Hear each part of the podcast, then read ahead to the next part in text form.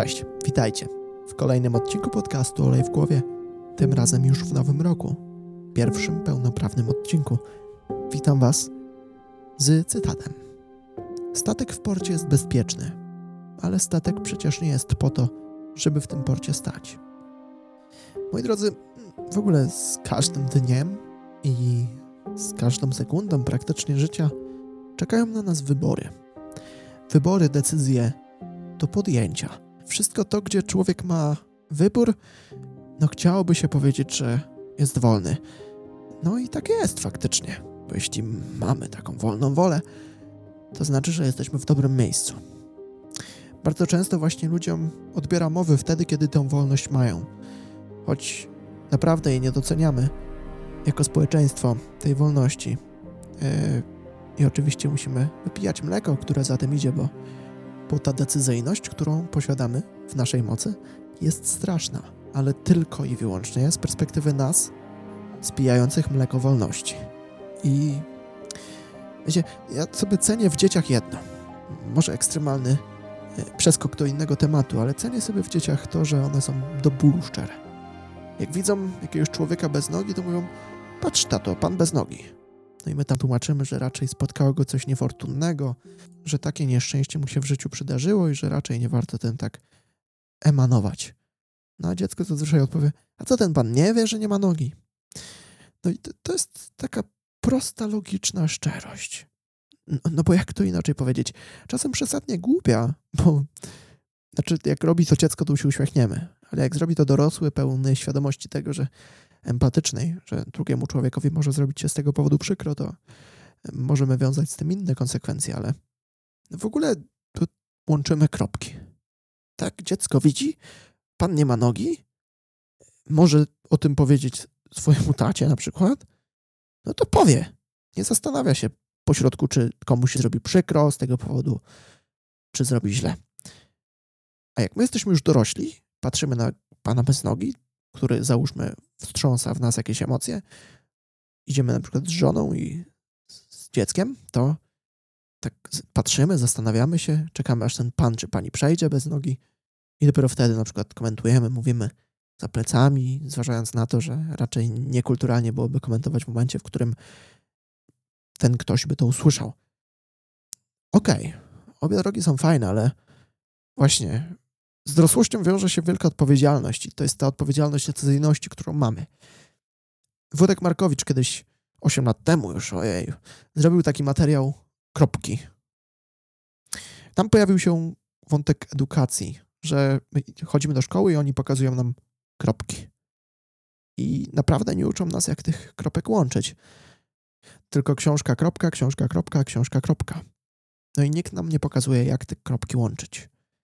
Czy my się tego uczymy, czy nie, to jest w ogóle inna bajka, ale Jacek Walkiewicz w 2013 roku, to w ogóle no, 11 lat temu, 3 lata wcześniej niż kropki jeszcze, dał taki inspirujący wykład we Wrocławiu dla TEDxa o pełnej mocy możliwości.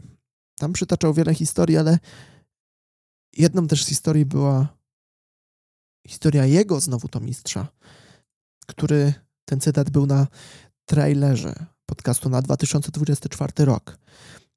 I brzmiał on, ja go zawsze cytuję z pamięci już na szczęście, że są w życiu rzeczy, które warto i są w życiu rzeczy, które się opłaca. I nie zawsze to, co warto, się opłaca, i nie zawsze to, co się opłaca, warto. Więc wydaje mi się, że w życiu faktycznie powinniśmy myśleć swoimi wartościami. Tym, co warto. Warto spełniać marzenia. A spełnianie marzeń zaczyna się wtedy, kiedy wychodzimy z tej mistycznej strefy, w której mamy się dobrze. I na to czucie się dobrze i brak decyzyjności przez jakiś tam czas, zawsze znajdziemy odpowiednią wymówkę. Zawsze znajdziemy do tego jakąś filozofię czucia się dobrze i dlaczego dalej powinniśmy się tak czuć. To jest coś, co nas cholernie zatrzymuje. Bardzo nas zatrzymuje. Zaślepia nas. To są takie nakładki na oczy, które, których możemy nie chcieć, ale one są. I tam będzie nam szeptać ten głos przecież, że na co ty narzekasz? Przecież masz wszystko tego, czego ci trzeba. A jak nie czujecie, że tak jest, to znaczy, że czegoś wam brak. Jeszcze muszę przytoczyć tą historię też Jacka Walkiewicza, który kiedyś tam na jakiejś imprezie, jak wyjawił, że jest psychologiem, taki gościu do niego podszedł i zaczął mu się zwierzać. I mówi, słuchaj Jacek, miałem żonę 10 lat i przez ten 10 lat, jak ją prosiłem, żeby ona nie zostawiała mokrego mydła na mydelniczce, bo potem się z tego taka papka robi, tym się nawet myć nie da. I mówi, ja ją bardzo kochałem, ale ona przez te 10 lat zostawiała te mydło, robił się z tego taka kleja, taki glut, myć nie dało. To były jeszcze czasy, gdzie mydła w płynie nie było. I po tych 10 latach ten gościu stoi przed Jackiem. Z wykształcenia ten gościu był inżynierem. I przez 10 lat nie dało się zrobić dziur w tej mydelniczce, żeby ta woda ściekała? No to było takie trudne. Wiecie, my zawsze szukamy problemu w kimś yy, do zmiany. A to ta prawdziwa zmiana zaczyna się w nas. Yy, to bez dwóch zdań. Nam się wydaje zawsze, że jest już ten dobry moment na znalezienie sobie kogoś w ogóle, że już jesteśmy picobello i gotowi. My nigdy nie jesteśmy gotowi. Tak jak z dzieckiem. No, kiedy będziecie gotowi na dziecko? Przecież wy nigdy nie będziecie wiedzieli dostatecznie, póki tego nie dotkniecie. Nie będziecie namacalnie o tym wiedzieć.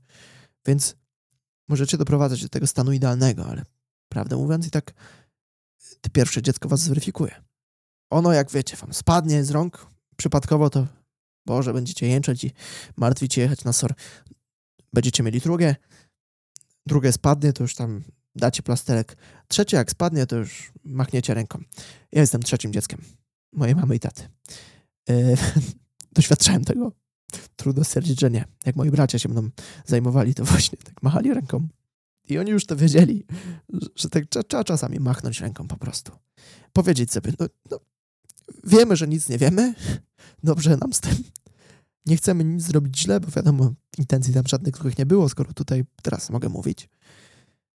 No to też po prostu trzeba zaakceptować pewną niewiedzę tej nadchodzącej przyszłości, no bo nie wiadomo, wiecie, czasami dziecko upadnie i potem się okaże, że za tydzień zrobią się jakieś komplikacje w tym mózgu i będzie po nim. Nie wiemy. I w ogóle niczego w życiu nie możemy być pewnym, nie? Czy się obudzimy jutro? każdy dzień warto zaczynać chyba od powiedzenia sobie, że to, to cudowne, że my dalej jesteśmy i że możemy próbować. Wiecie, taka alegoria gór, ja chodzę po tych górach ostatnio i chodzę i tak czuję, że jest tam inaczej i czuję, że jest tam lepiej, bo jest, naprawdę jest. Jakkolwiek bylibyśmy tu inni wyznaniowo, inni religijnie i inni światopoglądowo, to czuję, że jestem bliżej czegoś. Czegoś bliżej nieokreślonego. Taka lekcja mojej matematyczki, e, bardzo dobrej nauczycielki, ale kontrowersyjnej z gimnazjum, ona zawsze jak stałem przy tablicy i tam robiłem działanie, szło nawet jakoś, już byłem przy końcu rozwiązania i wynik wychodził błędny, to ona tak mówi, no i co Wojtek? ja wiedziałam. A ja mówię, no proszę pani, ja nie wiem, nie wiem, gdzie tu jest, co tu się stało, nie? Licząc, że mi pomoże. I to była ta piękna lekcja, że ona kazała zawsze się odsunąć od tej tablicy na przynajmniej dwa metry, tak żeby potrafić ją objąć wzrokiem, wszerz i wzdłuż i szukać błędu samemu. Bo kiedy stoimy czubkiem wklejeni w tę tablicę, to tego błędu nie znajdziemy, bo swoimi oczami jesteśmy w stanie, nie wiem, objąć może dwie linijki, jak dobrze pójdzie. Więc z górami jest tak samo. Że my się trochę odsuwamy. Trochę patrzymy z góry. Z dalsza jesteśmy w stanie objąć więcej więcej jesteśmy w stanie pomyśleć ze świeższą głową. I to piękne. Jesteśmy zmęczeni, potem wracamy, liczymy, że odpoczniemy, no i nie ma odpoczynku. A może jest, ale co nas czeka po górach, to bardzo często taka rzeczywistość, która powtarza się po nowym roku bardzo często. Wiecie, no, postanowienia noworoczne to jest ten case znany nam doskonale. Z pierwszy dzień idziemy na siłownię, drugi dzień super, trzeci to już w ogóle bomba, trwamy w postanowieniu. Tydzień jesteśmy zmęczeni, ale dajemy radę. Pojawiają się tam no, jakieś tam rezultaty. Drugi tydzień już mówię, dobra, wystarczy. To jest pierwszy wariant. Ja wcale nie mówię, że ten wariant jest zły, bo próbowaliśmy. Ale jest ten drugi wariant, gdzie uderza nas rzeczywistość. Pierwszy dzień dajemy sobie postanowienie, jutro idziemy. Drugi dzień idziemy, Potem mamy zakwasy i uderza nas rzeczywistość, że z tymi zakwasami jeszcze trzeba do pracy iść. Już mówimy nie dzięki. No i zakwasy będziemy mieli. Po każdej decyzji, po każdej wolności. Po każdej wyprawie w morze ten statek będzie lekko naznaczony wodą. Z każdej ze strony w ogóle, nie? Czasem może przelany, może będzie się topił, ale no zakładamy, że wróci. Bo czemu miałby nie wrócić?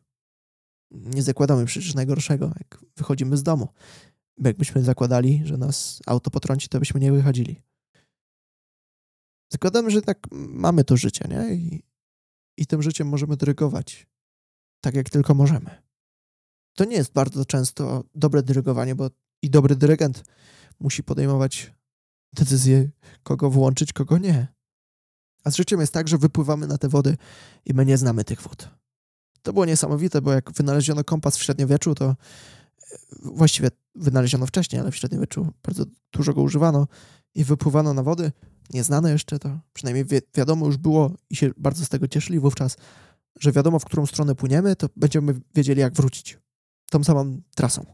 A przed kompasem właśnie nie widzieli i wracali też na oślep albo i nie wracali. Ale się nie bali, pływali i tak.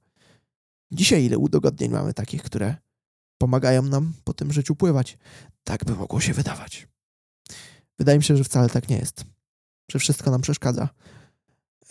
Te idealne związki, czy coś tam, wszystko to, co wydaje się idealne. Wypływamy w te nieznane, ale w tym nieznanym tylko tam można doświadczyć czegoś nowego.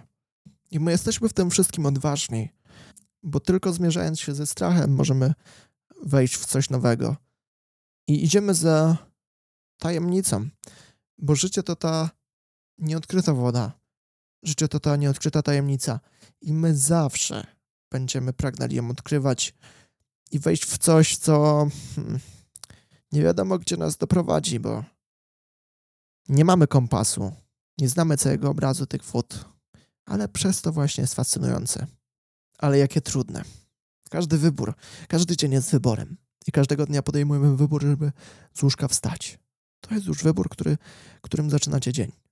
I wykonujecie zadania w tych dniach. To jest ta piękna opowieść tego takiego bardzo zasłużonego jakiegoś tam generała amerykańskiego Navy, który mówi o tym, żeby codziennie rano pościelić łóżko, bo to jest pierwsze zadanie, jakie wykonamy każdego dnia. I tak, taka zadaniowość, która się urodzi właśnie z tym ścieleniem łóżka, będzie tylko skutkowała dobrze na kolejne zadania, które mamy do wykonania każdego dnia. Więc z taką lekką zadaniowością ja Was odsyłam do życia. Próbujcie. To tylko statek w porcie jest bezpieczny, ale statek nie jest po to, żeby w tym porcie stać. Wszystkiego dobrego. Słyszymy się już za tydzień o godzinie 19 na podcaście Oliwkowie. Do usłyszenia, cześć. Bye.